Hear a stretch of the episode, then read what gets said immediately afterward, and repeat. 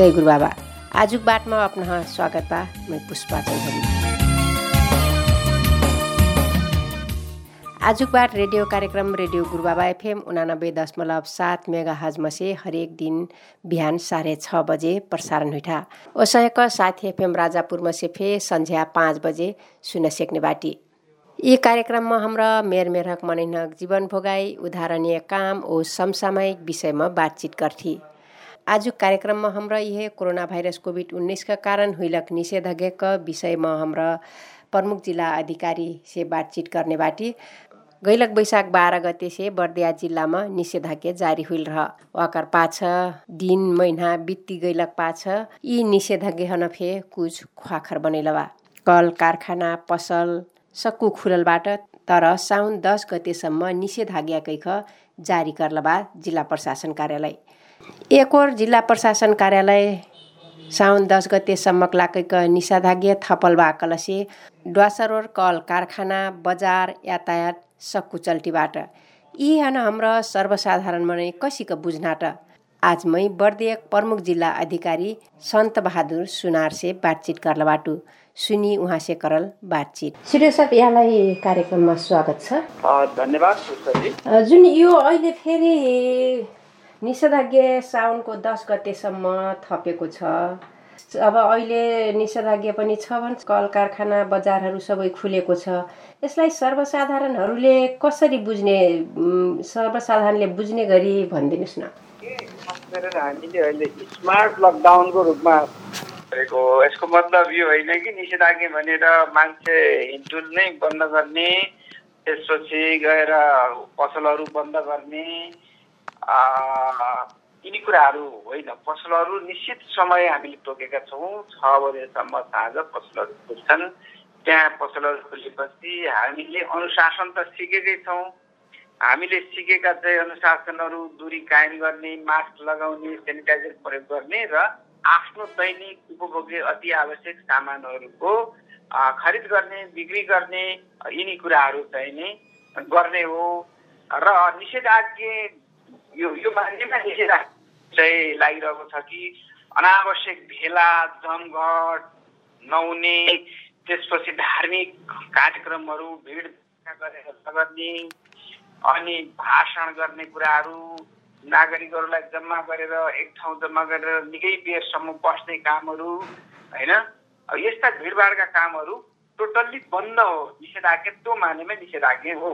र दैनिक जीवनका लागि आवश्यक पर्ने कुराहरू निषेधाज्ञा गरिएको छैन निषेध छैनन् तिनी कुराहरू गर्न पाइयो हिँड्न पाइयो डुल्न पाइयो तर त्यो आफूले स्वास्थ्यका मापदण्डहरू स्वयं आफैले पालना गरेर गर्नु पर्यो। किनभने सबभन्दा पहिला आफ्नो स्वास्थ्यको रक्षा गर्ने काम त मान्छे स्वयं आफ्नो हो त्यसरी स्वयं बचेर अरू कामहरू सहजै ढङ्गबाट आफ्ना दैनिक कामहरू गर्ने भन्ने हो। यसरी बुझ्दा राम्रो हुन्छ भन्ने मलाई अब जस्तै पसलका कुराहरू बिहान साँझ छ बजेसम्म बिहान सात बजेदेखि भनेर छ नि त्यसलाई अब यसलाई समय यतिदेखि यति नभनेर जस्तै अब स्वास्थ्यको मापदण्ड अप्नाएर अप्नाइरहेको छ भने त पुरै समय यसलाई समय नतोकिदिए के हुन्छ?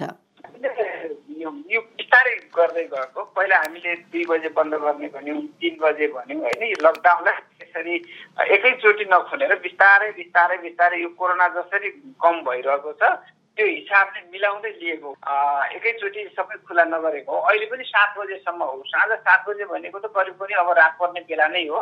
सात बजेसम्म त खुला नै हुन्छ अहिले होइन? त्यसपछि राति त खुला गर्नु र बन्द गर्नुमा केही अर्थ छैन होइन? हजुर। रातिमा पनि अनावश्यक मान्छेहरू जमघट हुने भेटघाट हुने हिँड्ने डुल्ने रातिमा बस्ने त्यस्तो कुराहरू हुन्छ। त्यसलाई नियन्त्रण गर्न पनि हामीले गरेका हौँ। अहिले अब सात बजेसम्म छ। हजुर। अब यो लकडाउन अलि खुकुलो भइ भएपछि यातायातका साधनहरू पनि फाटफुट चल्न थालेका छन्। केही मानिसहरू अब उहाँहरू काम विशेषले जानुपर्नेहरूको आफ्नो प्राइभेट यातायात नभएपछि सार्वजनिक यातायातमा पनि चढ्न बाध्य हुन्छन्। भने अब यस्तो बेलामा अब यातायातको साधनहरूलाई पनि स्वास्थ्यको मापदण्डको कुराहरू राखिएको छ। यसमा त्यो अनुगमन गर्ने यसको नियम नियमन गर्ने कसले त? यो अनुगमन गर्ने यो सबैले अनुगमन गर्ने पहिला त यातायात जसले यातायातका साधनहरू सञ्चालन गर्नुहुन्छ उहाँहरूले पहिलो अनुगमनकर्ता उहाँहरू नै हो पहिलो अनुगमन गर्दा त आफै हो जो यातायातका साधन उपयोग गर्छ त्यो मान्छे आफै ले आफ्नो अनुगमन सो अनुगमन गर्नु पर्यो अनु अरूको अनुगमन गर्नु पर्यो होइन? उहाँहरू यही हो स्मार्ट लकडाउन भनेको यही हो। सबै फ्लो अनुशासित हुने नै हो होइन? मान्छेलाई गोठाला लागेर मान्छेले प्रत्येकले ए तैँले नाकमा लगा तैँले मुखमा लगा भनेर भनेर साध्य हुँदैन। स्वयं आफै अनुशासित हुनु पर्यो त्यो अनुशासित। अनि आफूले चाहिँ नि सेनिटाइजर प्रयोग गरेको छ कि छैन मास्क लगाएको छ कि छैन ठिक ठाउँमा बसेको छ कि छैन। सो अनुगमन गर्ने अनि अरूले त्यस्तो गरेको छ कि छैन ए यसो गर्नुहोस् है भनेर अरूलाई भन्ने त्यसपछि दोस्रो भनेपछि गाडीवालाहरूले त्यो यातायातका साधन सञ्चालन गर्ने ड्राइभरहरू भयो कन्डक्टरहरू हो उहाँहरूले त्यो यात्रुहरूलाई निश्चित ठाउँमा राख्ने मास्क दिने त्यसको निश्चित पैसा लिने अनि त्यसरी पहिलो कुराहरू त्यो उहाँहरूले गर्ने। त्यो उहाँहरूबाटै हुने अनुगमन हो। त्यसपछि त्यसरी हिँडेका साधनहरू पनि ठिक अवस्थामा भएको छ कि छैन भनेर हामी सबैले हेर्ने हो नागरिक समाज चाहिँ हेर्छ अब खास गरेर प्रहरीको त ड्युटी नै भइहाल्यो होइन? हाम्रो पनि ड्युटी नै भइहाल्यो हामी सबैले हेर्ने हो त्यसरी चरणबद्ध सबैको आफ्नो तहबाट अनुगमन भएपछि अनि यो यो एउटा स्मार्ट लकडाउन होइन? अनि बल्ल यो कुरा त्यसो हो तर तपाईँले सोध्न खोजेको कुरा के हो मैले बुझिहालेँ। यो अहिले त्यो खुलेपछि कसैले त्यो लगाएको देखिँदैन मास्क लगाएको सेनिटाइजर गरेर देखिँदैन भन्न खोज्नु हो पुष्पाजी होइन? पनि निरुत्साहित गर्नै पर्छ। त्यस्तो फेला पऱ्यो भनेपछि हामीले कारवाही गर्छौँ भनेका छौँ होइन? कारवाही पनि गरिरहेकै अवस्था छ। त्यसैले यो सबैले सो अनुशासित भएर हामीलाई थाहा छ नि मान्छे मरेको छ बाबा। त्यो लागेपछि मान्छे मरेको छ मान्छेको जिन्दगी बर्बाद भएको छ। एउटा मान्छे मरेर मात्र होइन सारा परिवार तहस नहस भएको छ। कमाइ काज गर्ने मान्छे पच्चिस वर्षदेखि लिएर पचपन्न वर्षसम्म डाङ्ग ट्याङ्ग ढले किनभने उनीहरूले खोप लगाएका थिएनन्। खोप नलगाएको कारणले त्यसैमा आक्रमण गर्यो खोप लगाउनेहरू चाहिँ सुरक्षित भएकोहरू त्यस्तो नागरिकहरू हो त्यसो भएको हुनाले हामीले त्यो कुरा त बुझ्नु पर्यो त पहिला स्वास्थ्यको कुरा बुझ्नु पर्यो अनि राज्यले भनेका कुराहरू सबैले मानिदिनु पर्यो अनि मात्र हामी चाहिँ नै सुरक्षित हुन सक्छौँ भन्ने कुरा हो। अब यो यातायातका साधनहरूमा जस्तै सार्वजनिक यातायातका साधनहरूमा भौतिक दूरी कायम गर्ने कुरा छ नि यो कसरी हुन्छ त? एउटा सिटमा त उसले दुईजना राखिहाल्छ अझ पनि तिनजनासम्म पनि राख्छ। भनेपछि भौतिक दूरी कसरी कायम हुन्छ? हो त्यो यातायातका साधनमा निश्चित सिटमा एउटा बसमा राख्नुपर्ने मान्छेहरूलाई निश्चित सिटमा राख्ने मास्क लगाउने। अब त्यो भयो भनेपछि त्यति समस्या हुँदैन। र गन्तव्यमा पुग्ने झार्ने त्यसपछि चाहिँ मान्छेलाई राख्दाखेरि फेरि उसले सेनिटाइजर गरेर मास्क लगाएर राख्ने। त्यो गर्दाखेरि सुरक्षित हुन्छ। र यातायात व्यवसायहरूले यो कुरामा ध्यान दिनुपर्छ। हामीले उनीहरूलाई यातायात व्यवसायीहरूलाई ल्याएर राखेर एकदमै क्लास मिटिङमा उहाँहरूलाई पनि निर्णय गराएर हामी यी प्रतिबद्ध छौँ भनेर उहाँहरूले हस्ताक्षर गरेर अनि मात्र तपाईँहरू खोल्नुहोस् भनेका छौँ। अब त्यो गर्दा गर्दै पनि उहाँहरूले त्यो चाहिँ आफूले अनुशासन पालना गर्नु भएन भने कारवाहीको भागी हुनुहुन्छ उहाँहरू।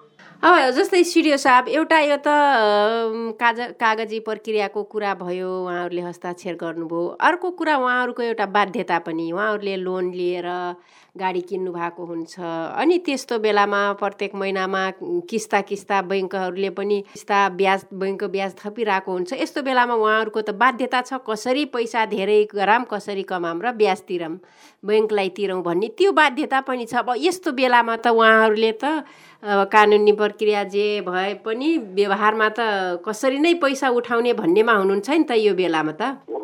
त्यो उहाँहरूको त्यो बाध्यता छ हामीलाई थाहा छ। उहाँहरू लोनमा हुनुहुन्छ उहाँहरू अहिले सबैभन्दा बढी मर्का परेको भनेको सबैभन्दा अप्ठ्यारो परेको भनेको यातायात व्यवसायीहरूलाई हो। त्यो हामीले पनि महसुस गरेका छौँ राज्यले पनि त्यो कुरा महसुस गरेको छ। उहाँहरूको त्यो मर्कालाई अब यो एउटा त्यो सानो गल्ती गरेर फेरि फेरि सम्म बन्द गर्ने काम त गर्नु भएन नि। अनुशासित भएर गऱ्यो भने बिस्तारै उहाँहरूको त्यो आफ्नो क्षतिपूर्ति हुँदै जाला। फेरि भयो भने एकैचोटि गाउँघरमा फेरि फैलिन्छ फेरि उहाँहरूको वर्षौँसम्मका लागि फेरि लकडाउन गर्नुपर्ने हुन्छ। त्यसैले त्यो भुल उहाँहरूले गर्नु भएन। त्यो अब गएको कुरा अहिलेसम्म हामी डुबेका छौँ अब एकैचोटि उठाउनु पर्छ भनेर त्यो लोभ गर्नुभयो भने फेरि उहाँहरू ठुलो चाहिँ नि घाटामा पर्नुहुन्छ किनभने उहाँले एउटा कुरा विचार के गरिराख्नुपर्छ भने त्यो लकडाउनले सबैभन्दा बढी प्रहार गर्ने भनेको यातायात व्यवसायीलाई नै हो।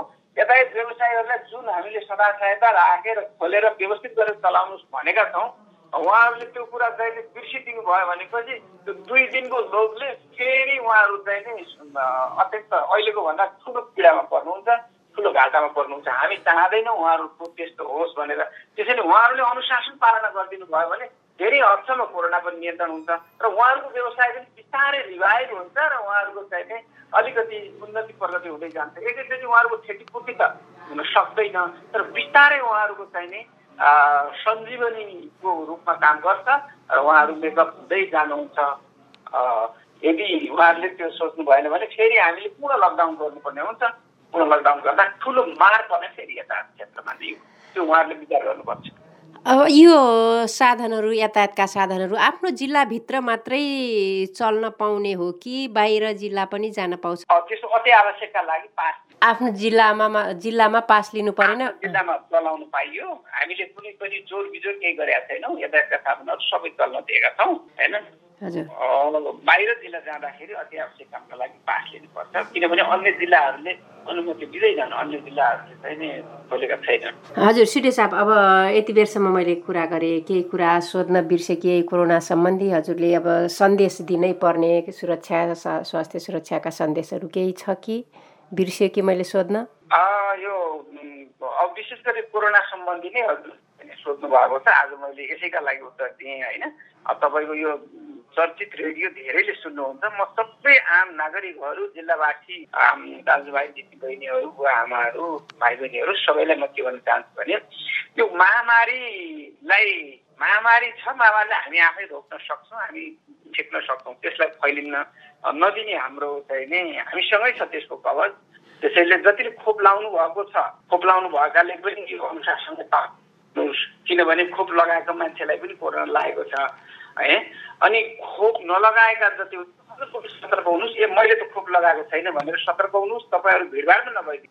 र अनि अति आवश्यक काम छ भने बरु दुईवटा खोप लगाएको मान्छेलाई मेरो काम पनि त भिडभाडमा गएर ल ब्याङ्कको अथवा कतै चाहिने बिजुलीको बिल तिर्नु छ भने ए तपाईँ खोप लगाएको मान्छे यो मेरो पनि तिर्दिनु होला है त। म अलिकति यो खोप अलिकति डरै लाग्छ मलाई भनेर हो। यसरी आफै पनि तर्किदिने फर्किदिने खोप्न लगाएको मान्छेहरू हामी खतरामा छौँ है। बढी खतरामा छौँ। अब बालबालिकाहरूलाई पनि सुरक्षित राख्ने अब बालबालिकाहरूलाई जथाभावी चाहिँ हिँडडुल गर्न नदिने यसो गऱ्यौँ भनेपछि हामी बालबालिकालाई बचाउँछौँ र खोप्न लगाएका मान्छेहरू बच्छौँ र खोप लगाएका मान्छे पनि सतर्क भएर हिँडिदिनु भयो भने एकले अर्कालाई स्वास्थ्य हुँदैन।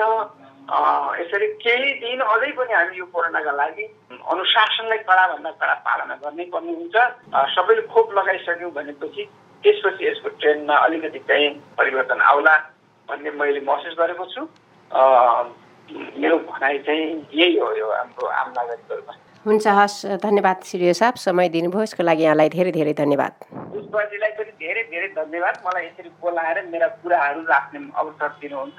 धन्यवाद। कोरोना भाइरस कोभिड उन्नाइसका कारण अर्थात् कोरोना भाइरस कोभिड उन्नाइस रोकथामका लागि ब्याला ब्यालामा ठप्जैतिर लक लकडाउन अथवा निषेधाज्ञा हन कसीको बुझ्ना आजकाल हेरबेर सक्कु कल कारखाना बजार पसल यातायात सब सञ्चालनमाबाट तर फे साउन दस गतेसम्म निषेधाज्ञा थपलबा बर्दिया जिल्लामा। इहन कसिक बुझ्नाट कैक सर्वसाधारण होकन जिज्ञासा मेटा ढेकलाक प्रमुख जिल्ला अधिकारी सन्त बहादुर सुनार जिउसी हाम्रो बातचित करली अठार बेरसम्म कार्यक्रम सुनलिट अपनहन कसिन लागल।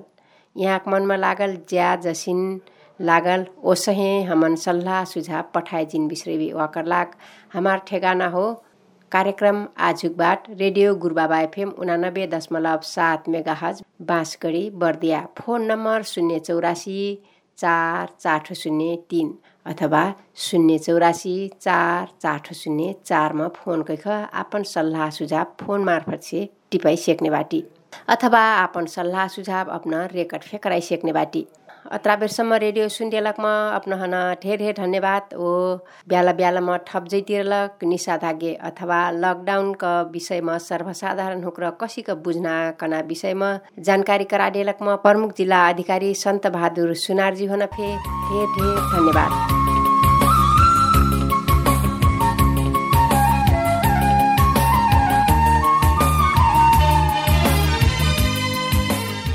लिट आजुक कार्यक्रम आजुकबाट अत्रहे अत्रा बेरसम्म प्रविधिमा सहयोग करुया सङ्घर्या गौरीशङ्कर थारू ओ साथी एफएम राजापुरका सङ्घर्या टिका अधिकारी हन ढेर ढेर धन्यवाद देती मै पुष्पा फे बिदा हुइटु।